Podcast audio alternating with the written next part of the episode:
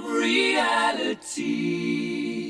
Open your eyes, look up to the skies and see. I'm just a poor boy. I need no sympathy. Because I'm easy come, easy go. Little high, little low. Doesn't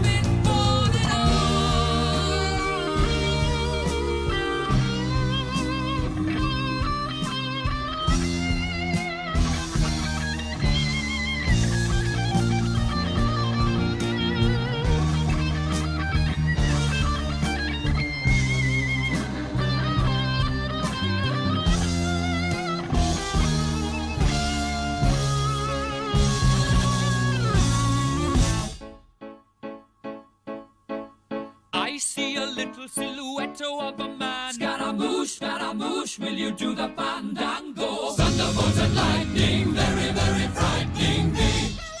Galileo, Galileo, Galileo Figaro. Magnifico! I'm just a poor boy, nobody loves me. He's just a poor boy from a poor family, sparing his life from this monstrosity. Easy come, easy go. Will you let me go? Bismillah. No, we will not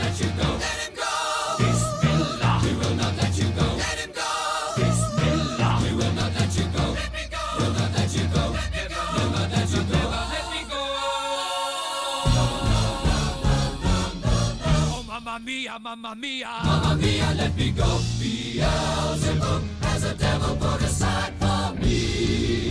For me. For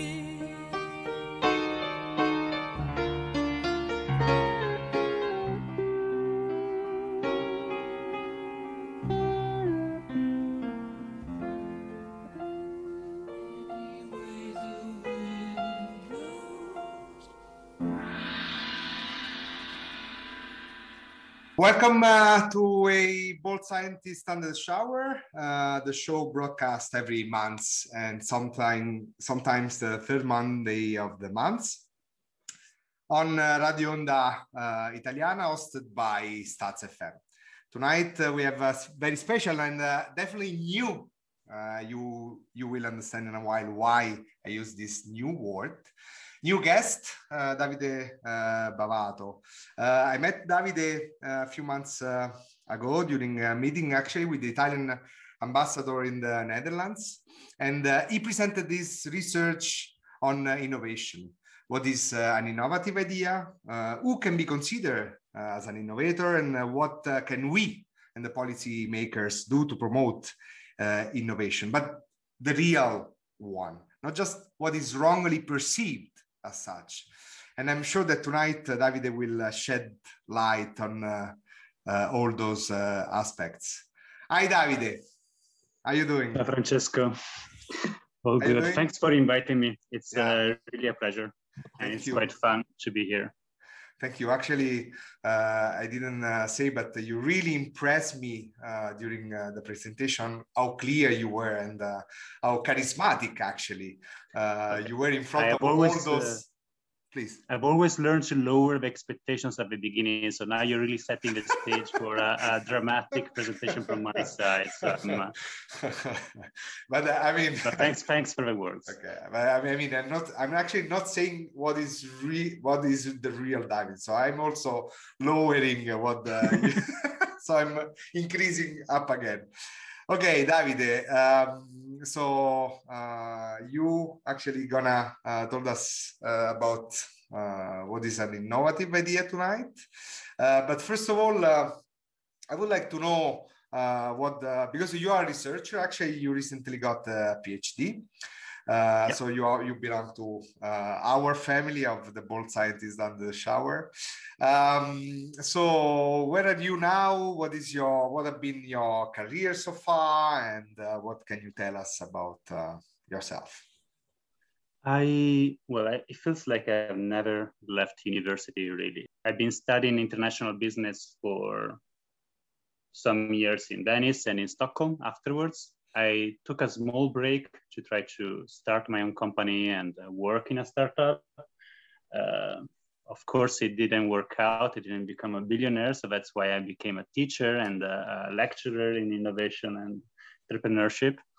I mean, you, you, you would have become a quote about it as well. You would have become boring as a millionaire, David. I'm sure. So because that is true. That is true. Right? I, I, I can tell that the life of a researcher is uh, never boring. exactly. Sure.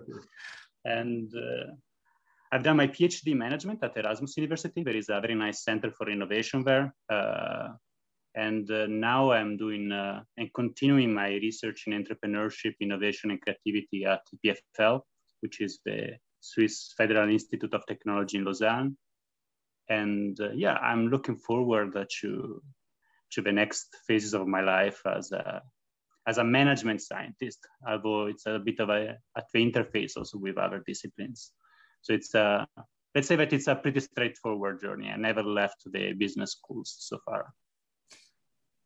Okay, thank you very much for this uh, nice and interesting introduction. Uh, as I ask to all my guests, um, I would like to know whether being a researcher or being uh, a researcher in innovation has been always your childhood dream, or probably. I don't think so. I mean, I guess not, but probably I, I'm wrong.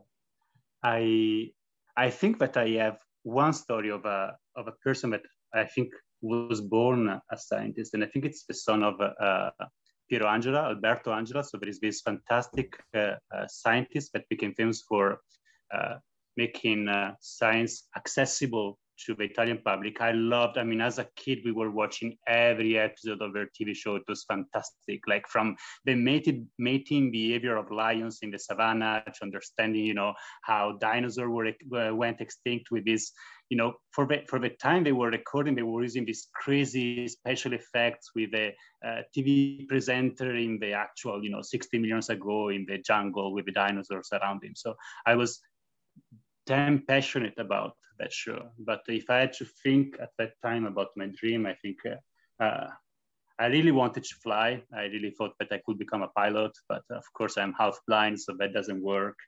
And I, I'm, I am a, a very boring reader of fantasy stuff. So I, for a time, I thought I could just live in those books or write one of them. But uh, if I have to find a moment where I understood that to become a scientist was much later, and I think I became extremely passionate about uh, developmental economics. There are these beautiful studies that have been done on how to help people to adopt innovation.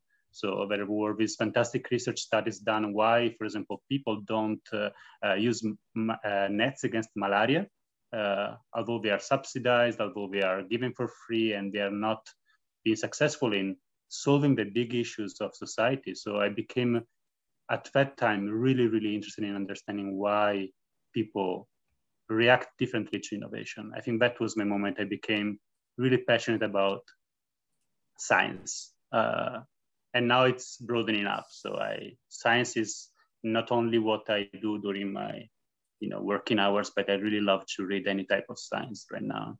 Oh, nice. And you also uh, married a scientist, right? Oh my god, yeah. I am. I'm really, really so literally about science. Uh, we don't talk about science at the dinner table. That's that's for sure. that's uh, nice. Sometimes. But, yeah, I got lucky that I found a job and love, and uh, nice, beautiful. yeah, I'm Rotterdam. Will always be in my heart. Ah, beautiful. Okay, so uh, we, we already uh, said the word innovation uh, uh several times, but uh, uh, probably our audience and listeners are probably they they think they know what innovation is, what the, an innovative idea is, but you I, I i learned from you that there are a lot of misunderstandings because what is exactly uh, according to science, an innovative idea. Uh, and I mean, on a margin, I also would ask, like to ask you because you have chosen this this beautiful uh, piece uh, that I um, that introduced our show that it was uh, Bohemian Rhapsody from Queen, uh, and I mean also I would like to know why do you think this this this song is innovative and whether it does fit your and the scientific uh, definition of innovative idea? So just to start, I am not a person that brings a lot of clarity. I bring usually confusion with my answers. And my answer will be that there are different definitions of what innovation is. And if I have to summarize it from my perspective, you, we can have two different camps, two different perspectives. One perspective is that novelty is something that is unique, different from anything that occurred in the past, that is unexpected and surprising, but is that some of it is grounded in facts. So if we have to take, for example, Bohemian Rhapsody, we could say, hey, the lyrics are very different from the lyrics of other previous songs of uh, the Queens or other songs of contemporaries of the Queens. So there is something that is objective. We can really see from the way the text was written, from the music and how the music changes across the, uh, the song. We can look at the length. It was different from what was the average song of the Queens and other composers at that time. But then, so this is one perspective, which is more the objective one. But then there is also a very strong subjective experience of novelty. Now it is not only what is, but what we perceive and evaluate as such. So to give an example, when a lot of critics listened for the first time to the Bohemian Rhapsody song, uh, they thought it was not new. It was actually, I've heard some quotes. Some people called it, the lyrics are not the stuff of sonnets. This is the Time magazine. The New York Times said uh, the songs sound empty, all flesh and calculation. And the Rolling Stone said it's a brazen hodgepodge. So it's just confusion. So we're talking about, of course, there were some concrete facts that could let us know that this was a new song or a different song or a unique song. But there is also the perceived and the and the personal experience of it that for many people this was not new this was either pretentious so it was fake and artificial or it was confusing and ambiguous so they didn't really felt it was new We didn't perceive it as such and both of these perspectives are valid so only when we perceive and recognize something as new, then we are willing to act upon it. For example, uh, we could be through a recognition for uh, your innovation and give it a prize or writing it in you know, positive uh, lenses. Other times, different just means weird. And the weird is criticized or stigmatized or uh, in general punished uh, as you know, many people can experience in their life. But the same idea might actually generate very different responses from different people. So that's why I think that there is not one definition. We need to reconcile these two souls of novelty and innovation. There is a objective one and there is a perceived one, and sometimes they don't go uh, hand in hand. In line of what you said, uh, as a researcher, we always experience uh, this thing that if we want to change, I don't know, topic or we want to change uh, even uh, a research line. This type of inconsistency can be punished by the, the policymakers. Absolutely. So if we if we look again at these two definitions, right? So one is basically we are saying what is new? New is something that is different from something that happened in the past. It's the first time that occurred. So, but it's also about you know personal change. It's the first time I write a book. That is going to be a new experience to me. It's the first time I write a research project on a subject. It's new to me. It's the first time I'm cooking this uh, Egyptian meal. It's new to me, right? And new means often making a change to compared to what people know me for. So in our professional career, we're often associated with an identity. So uh, for a photographer, I'm specialized in landscapes. As a researcher, I'm specialized in uh, uh, neuroimaging and as a method guy. So because of the identity, this is a way that for people to make sense of who we are and what we do. And any act of innovation, meaning changing and doing something for the first time different from what I've done in the past, could actually be seen as inconsistent, meaning I might be judging it as, hey, you're not competent in this area, or might seem that I do not understand anymore who you are and what you do. And this confusion might lead me to think that, hey, uh, this is confusing and was not appealing and was not uh, new, but actually just weird. It doesn't occur, of course, for everybody. So if you think about the uh, sorry, uh, uh, in line with what you were saying, is that because we usually like to be in our comfort zone? So we always like stability. We always like to understand what is in front of us. We always like right. to be in, in charge, to control. This is this this kind of tendency? So a strong a strong explanation for people uh, potentially having a bias against novelty has been associated with an uncertain uncertainty avoidance. So the fact that we are experiencing something different and unexpected or surprising or new means that I'm experiencing a certain moment unpredictability and uncertainty. And to a certain extent, and in certain contexts, this is good. If I want to go to the uh, movie theater, you know, and I know already how this is gonna end, and all the steps and the next lines and the next words that the actors are gonna say, that's not gonna be, you know, an arousing experience. I I want a minimum amount of difference or, or surprise, but just a little, just enough to make me feel I'm enjoying the movie. But then if I have no clue where this movie is going and it ends abruptly and how this is ended, why, what, what is going on? Like when these movies have become too experimental, too different, we just don't like it because we didn't understand, we didn't figure it out, and we felt a lot of this incongruence and uncertainty that is decreasing our experience. So as customers, as users, often we enjoy just a little bit of innovation and novelty. And that comes also, know, not only as customers, but also we experience it, experience it often professionally that we might even do something new, but new within a certain trajectory or a, we could see it as a railway. I can move forward. Nobody's saying that we cannot move forward and keep going, but it is in a predictable direction of innovation, the moment we try to go astray, often uh, people will say it's uh, it's impossible, it's too difficult, or it's too ambiguous, and uh, goes beyond uh, your identity. But it, that, it's not for everybody. So there has been this very nice experiment that tested art pieces uh, of different, uh, so the same art pieces that were of different genre and styles. And they said these four different paintings that are inconsistent have been painted by either Picasso or Braque or an unknown painter that nobody heard before. And the moment people see this act of, inconsistency from Picasso, hey, he's a genius. This is creative. He, look how eclectic he is. When he was a random guy from the street, this is just confusing. This is not aesthetically appealing. We don't like it.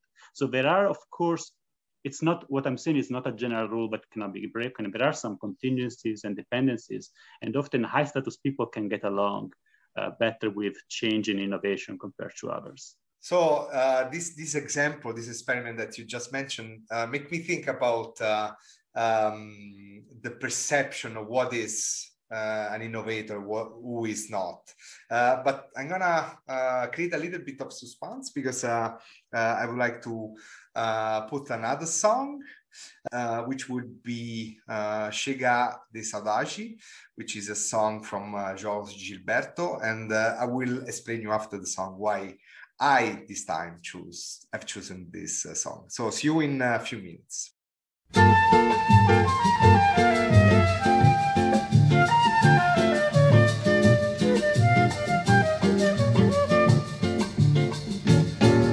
Vai minha tristeza e diz a ela que sem ela não pode ser. Diz-lhe prece que ela regresse, porque eu não posso mais sofrer. Chega de saudade, a realidade é que sem ela não há paz, não há beleza, é só tristeza e a melancolia que não sai de mim não sai de mim, não sai.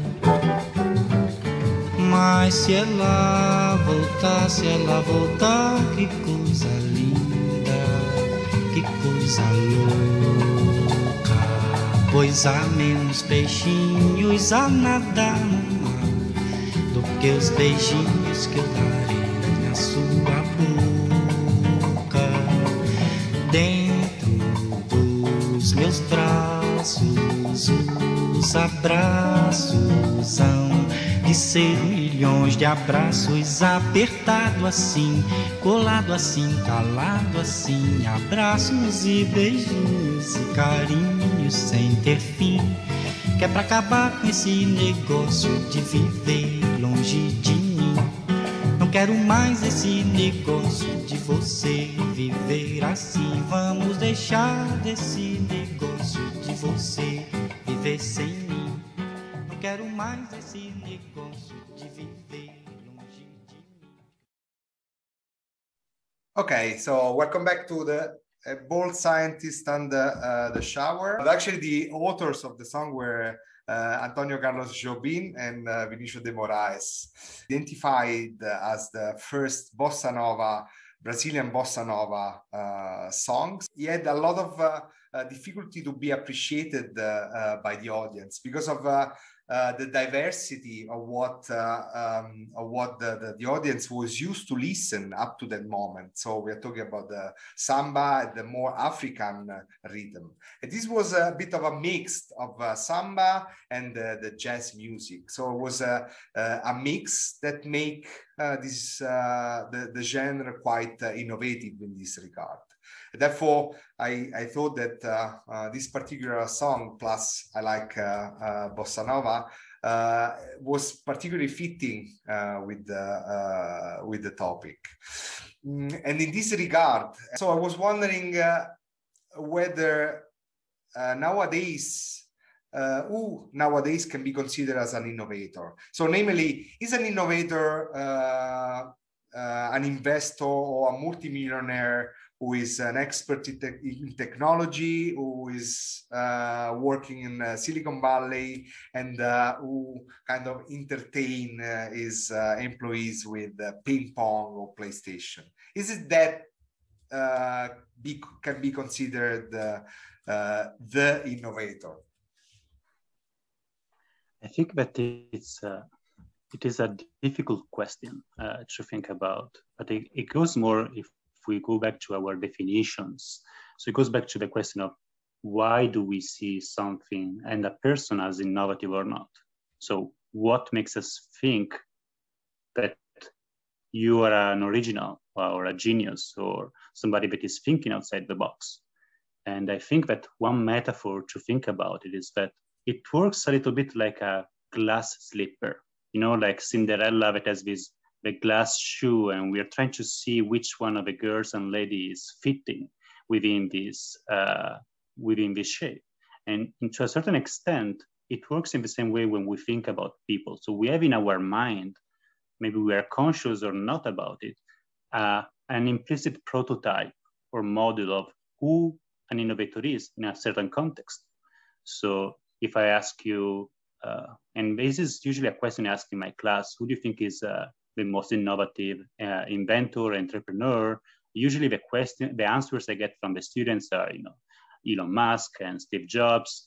And maybe if somebody wants to be original, they're going to say Leonardo da Vinci. And so far, in hundreds of classes I've taught, nobody ever mentioned a woman, right? And this is not because I believe my students have uh, uh, are necessarily consciously discriminating, but because there is in their mind a prototype of what are certain characteristics of an innovator that are much more fitting with these people. So we often think now of uh, innovators as entrepreneurs because we think that small, agile companies that are changing the world with technology are more innovative than the moms and pops shops or the uh, large incumbents and old organizations.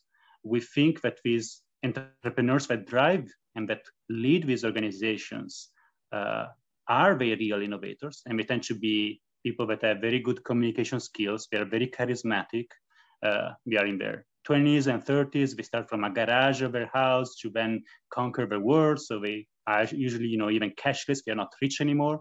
Uh, we often think of them as, you know, wearing a t-shirt rather than wearing a suit. So we have a lot of cues and signals of what is the right innovator. And some people fit with this glass shoe, with this glass slipper more than others, right? So the fact is, are people wrong? Are people stupid? No, not necessarily. So if we take one of examples, for example, the one of age, there is some uh, science that says that creativity reaches an apex, a climax at a certain moment. So some people may say it's in the 20s, some people say it's in the 50s. People disagree of exactly when you reach your climax in innovation and creativity, but somewhere it happens, right? So it is true that potentially your age might have an influence on your ability to generate a new idea and be innovative. So maybe when you're younger, you're more likely to be responsive to change. You maybe, you know, have less interest in the status quo, you know, maybe you're more willing to challenge it, right? So there may be some factors we associate from cognitive and social point of view to age, but there are others that are symbolic uh, cues that we still are influenced by, and they're not necessarily informative of your ability to come up with a new idea. And the masculinity part, which is often associated with, you know, being aggressive, with being competitive, with being able to challenge the status quo, with, you know, not caring about your family, but just about your idea and project until it works. And regardless of failure, be persistent. All this mindset we have of this specific type of entrepreneurs leads us to discount other stories. And not only us as the public, but also the people that have the power to bring these stories to the world. So there so is the, no... the, fu- the funny thing is that, uh, so in your description, you never mention about the content of their idea. So it means that uh, they just, I mean, people on average, they might just look at the the the, um, the, the, the, surface of the box, the box, without Absolutely. not even evaluating uh, the, the innovative aspect of the idea per se. Absolutely. So I think that there is one fascinating research that was conducted in uh, uh by Jack Goncalo, uh, and basically what he did was to uh, test whether uh, narcissists, so people that have a high self-conception of themselves, would be more creative than others. And what we saw is that the ideas, when they were blind reviewed, people had no clue who was the innovator, the creator, were average, no better, no worse than the others. But the moment they were allowed to present them and the reviewers and evaluators were not blind anymore, they looked more creative than the others. And the idea is that we were uh, the evaluators were swayed by certain cues about the enthusiasm, the confidence, which then we use often as a cue for uh, competence. So the confidence part and how you believe in your own idea is often used as a cue that this idea is good or not. But it's in fact just a representation of how much I believe in this idea. And often people that have a high self-conception tend to project this also in their ideas. So if I'm really smart and really good, my ideas should be you know, of equal standard. So there is a bias, if we want to call it that way, in the way we evaluate people that can lead us, of course, to create a, a discrepancy between the I don't like to call it true creativity, but some more factual in the sense that these ideas were not more original or unique or rare than the ideas of people that uh, didn't have such a high self-conception and self-regard. So what is there the difference between uh, who is able to to to to sell a, an idea which is not necessarily uh, new and and the one who actually uh, has an innovative uh, uh, concept. So i think that there is a so part of it comes can be i mean depending on the perspective we take of course uh, it changes the answer we give to a question. So if we take a personality lens. There was, I think, uh, uh, five years ago, a study on twins, and they were looking at what are the personality factors that might lead people to be more or less creative. And they had a very different ways of measuring creativity. One was through a standardized test where people had to have little quiz or little uh, questions where they had to think about different solutions to a problem.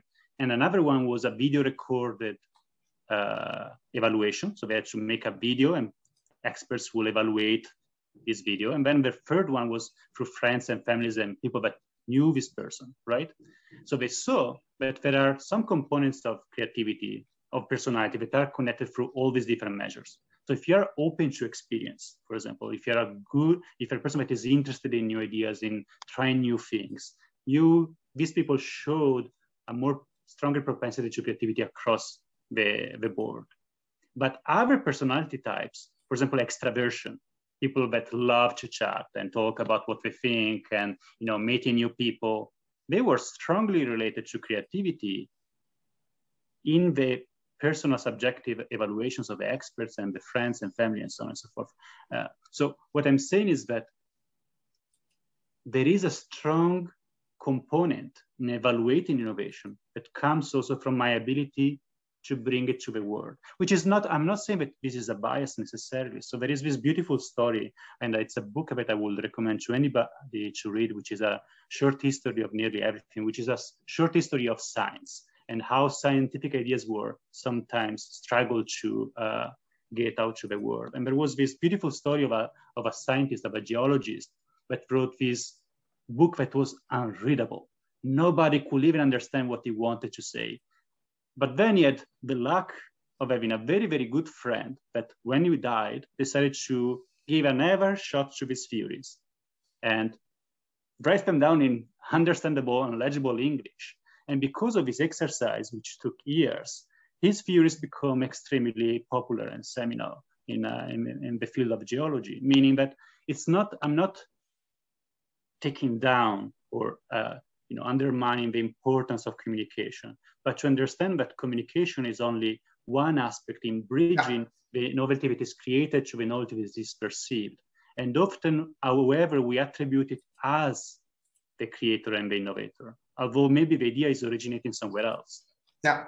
So in this in this uh, uh, regard, of course, there is a spectrum, right? So there will be the, the very good uh, extroverted uh, communicator, and then there will be as you uh, already mentioned, the one who has innovative uh, idea, but uh, it's not able to communicate them, right? Or doesn't want to communicate them because yeah, a lot of people don't really even care to share it to the world. So there are very sorry stories of these fantastic writers that uh, never thought of themselves as you know accomplished writers so they had all their poems and books and novels that were just stored in a drawer and left there forever until some people luckily found them and decided to publish them but I'm sure that there are thousands of beautiful stories that have never been discovered simply because we didn't want to share them or we didn't believe uh, they were worth sharing. So, so is it is, of course, yeah.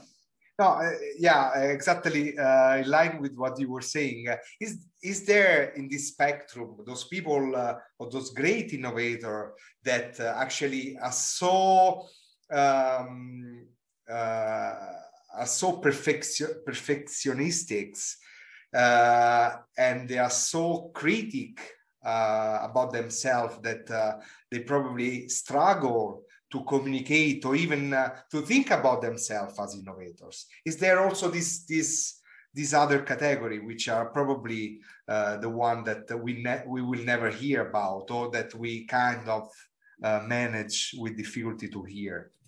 Of course. So i think that there is so one uh, clear piece of evidence is that the degree to which you think uh, you are creative has a strong influence on your creativity performance right and I think that also this has potentially an effect on the type of task and jobs you aspire to. So the moment you think of yourself and your ideas as unoriginal or uninteresting, and often it comes from uh, how to say there are some uh, also psychological reasons. Maybe you are depressed. Uh, there were like uh, how do you say? If we think about the romanticist period of literature where there was a lot of uh, uh, introspection and a lot of uh, poems that were bringing out these more darker or negative thoughts. I would say that potentially is also a mixture of your personality and the context and how much it is embracing this view of yourself. So, uh, in a context where you might not be uh, stimulated to bring them out, or these different type of thoughts are not accepted, then you're much more likely to keep them for yourself or see them with the eyes of your audience and say, hey, this is not good because that's what people are thinking is good right now. Seems I'm in, in interior internalizing these different views. I'm criticizing them. But if a word changes, potentially I might change the view of my ideas. But this self-view is not is not you know harmless. Over time, is going to lead me to prefer certain tasks to compare to others, certain jobs to compare to others. So it might be that we are not cultivating our talent, yeah. we're not cultivating our possibility to become creative, yeah. and we become uh, boring researchers simply because we uh, are afraid or don't believe in our more different uh, original ideas.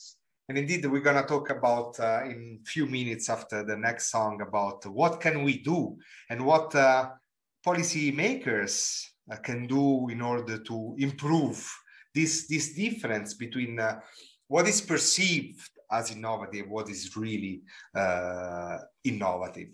Um, and uh, therefore, I will leave you with the next song that is uh, Alleluia, uh, but not the original uh, Alleluia by Cohen, but the remake of Jeff Buckley.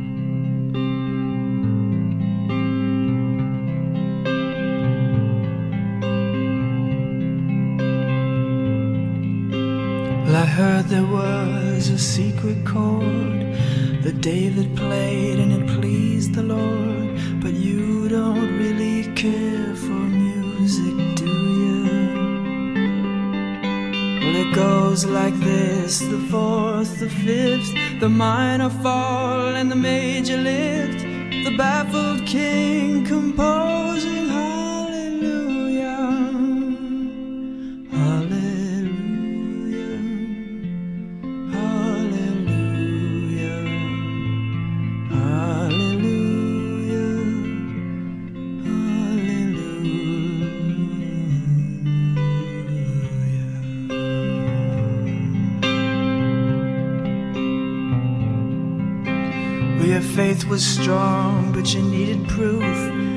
saw her bathing on the roof, her beauty and the moonlight overthrew you. And she tied you to her kitchen chair, and she broke your throne, and she cut your hair, and from your lips she drew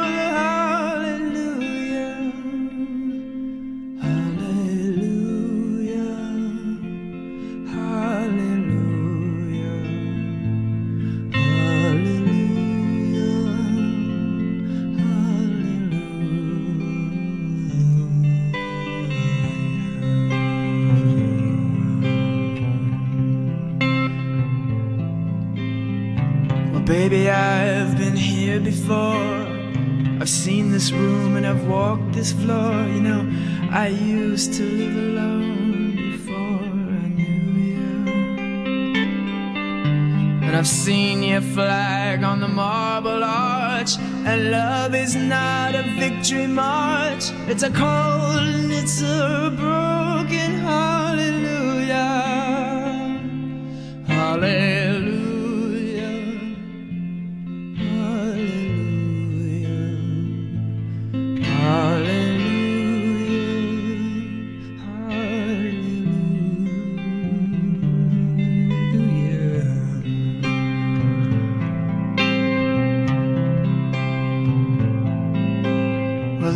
Time when you let me know what's really going on below, but now you never show that to me, do you? But remember when I moved in you, and the holy dove was moving too, and every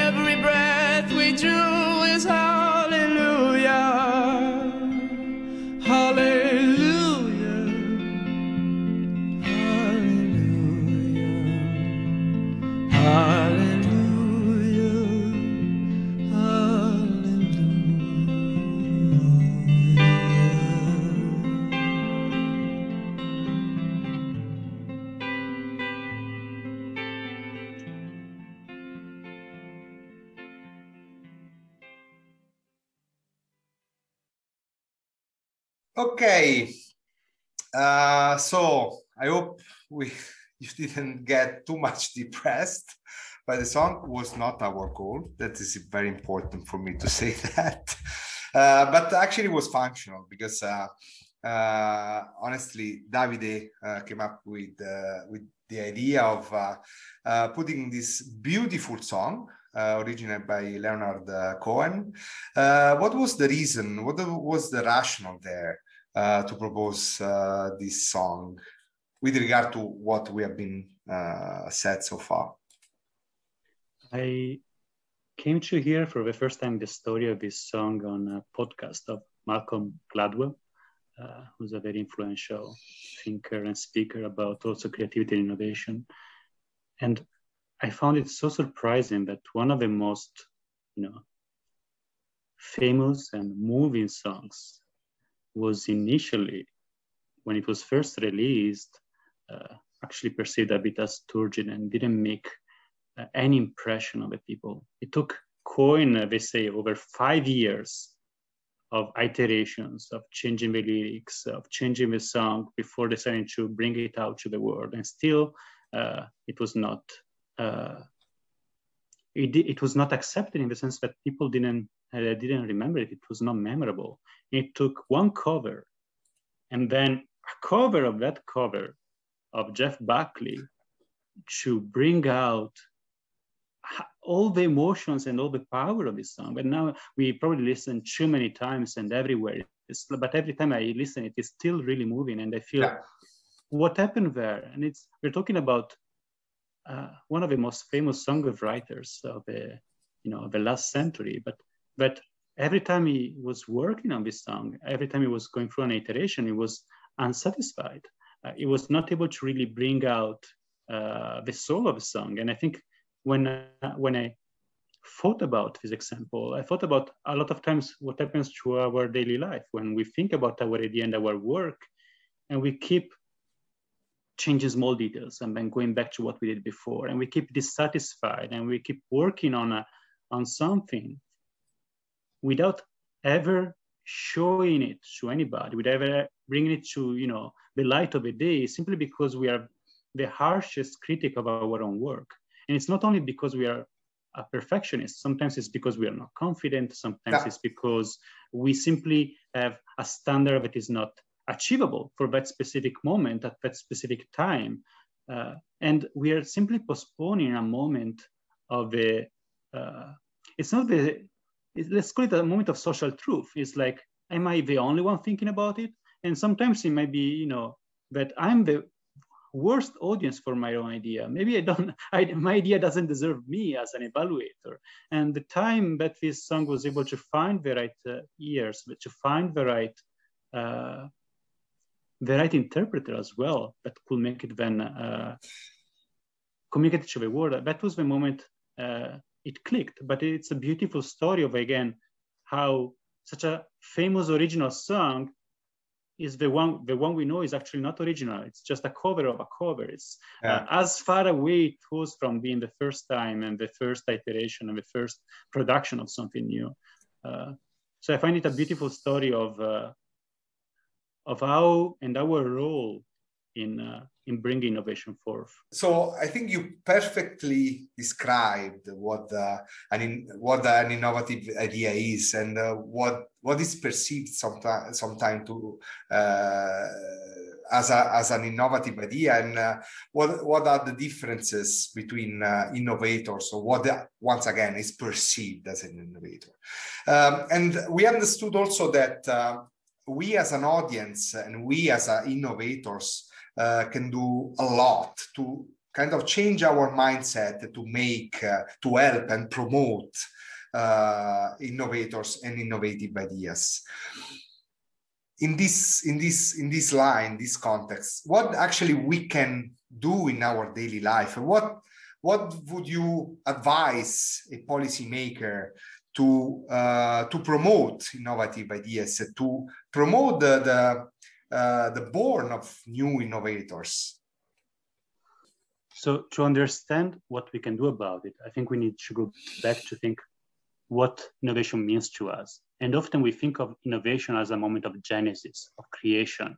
It's about having a new idea. It's about having the right idea. We think a lot about, and this is in our common language. We think about brainstorming. We think about the light bulb as the moment of epiphany. But this is one way of looking at innovation. If we change our perspective and we think innovation is what is perceived as new and valuable from some people, then we stop for a moment of thinking whether this is the, you know, how to get the right idea, but it's what is the right audience for my idea? Who are the people that can benefit from this suggestion, from this solution? It's changing from thinking about, hey, you have to think outside the box. That would be a recommendation to, hey, find the right box for your idea. And changing the perspective, thinking about how to make your idea seen new is not saying, hey, it doesn't matter, any idea can be new. No, I'm just saying that often web innovation is more a work of import-export, finding something that is very common in a context to something that is absolutely unknown in another. So the moment where economists and management scholars found and discovered psychology and biases, it was a moment for revolution of a revolution for them, but it was something that psychologists probably knew for a long time. And now a lot of people are jumping on these new possibilities and new connections, but the role of innovator sometimes, and for yourself as well, is to think about who should I speak to? And if you receive a no, it's not that my idea is crap, but potentially the connection between your idea and the audience was the wrong one. And you should go through multiple iterations. That's why it's so important to bring your ideas out earlier, because you can go through multiple times and multiple iterations to find the right fit between your idea and the audience that you have in front. Uh, so I think that it would be one suggestion I could give to, to people. For policymakers, it is difficult in the sense it's uh, David, in, in, terms of a policymaker, um, uh, I remember in your talk, uh, you have been uh, talking about uh, uh, that, that usually the policymaker, the one that has to judge an innovative idea, is not probably as doesn't have the proper characteristic or feature to uh, to judge their ideas of innovative. Because it's probably more does does care more about profit or does care more about other aspect of of uh, um, of that particular enterprise. So right. probably they have to be chosen also differently. Exactly. So if we again change the perspective a way to promote innovation is not by finding the new innovators, the new inventors, the new ideas, but to find the new evaluators, the new critics, the new audiences. So who are the people that will judge? Who are the people that will decide and allocate resources? Potentially a way to stimulate innovation is to change, radically change the system where we assign the decision-making role. So there is interesting research that shows that people that become and get the role of decision makers. So you are tasked every day with examining plans and business plans and business models and making decisions creates a mindset that is not uh, instrumental to novelty because novelty and creating novelty is sometimes finding a new criterion. Uh, it's finding, uh, redefining what matters in a certain context. While deciding and evaluating, you go through this endless checklist and guidelines, and you have to find what idea is the optimal one given the current dimensions. But it's the moment where you keep with these frameworks, you're going to escape, you're going to miss those ideas that are redefining the framework. So a suggestion for policymakers is often that the best evaluators are people that are also engaged professionally as creators. So that is a system that with all the difficulties, with all the issues, but the peer review system is an example when a person has to take with a, the role of creating and evaluating. And by jumping between these two different roles, you have to remain accustomed with both mindsets, understanding what is rigorous science, what is novel science, what is important science, but also going through the hurdles of creating and developing and advancing new projects. And this combination uh, of creators as evaluators seem to be the most promising, at least in getting new ideas forward and having innovations uh, more accepted, at least in, in the context of organizations. Absolutely. It would make a lot of sense. And with that, uh, unfortunately, we are really at the end of the show. So please let me thank a lot for all your clarity, your uh, kindness in accepting uh, my invitation. And I mean, also on behalf of uh, Radio Onda Italiana and Staz FM, I thank you a lot. And I really hope you to be uh, my guest again uh, in a few months because we still have a lot of things uh, thing to talk about. Thank you a lot, Davide. It was a lot of fun, and thanks everybody for listening. All right. So, um, and also good night to everybody. I will leave you with uh, uh, a song of uh, um, Keith Jarrett an innovative uh, pianist in this uh, uh, regard because he started to make concert improvising from the beginning to the end a mixture of uh, uh, jazz and classical uh, music. So I hope you will enjoy. Good night to everyone and to Davide. Bye. Ciao. Ciao.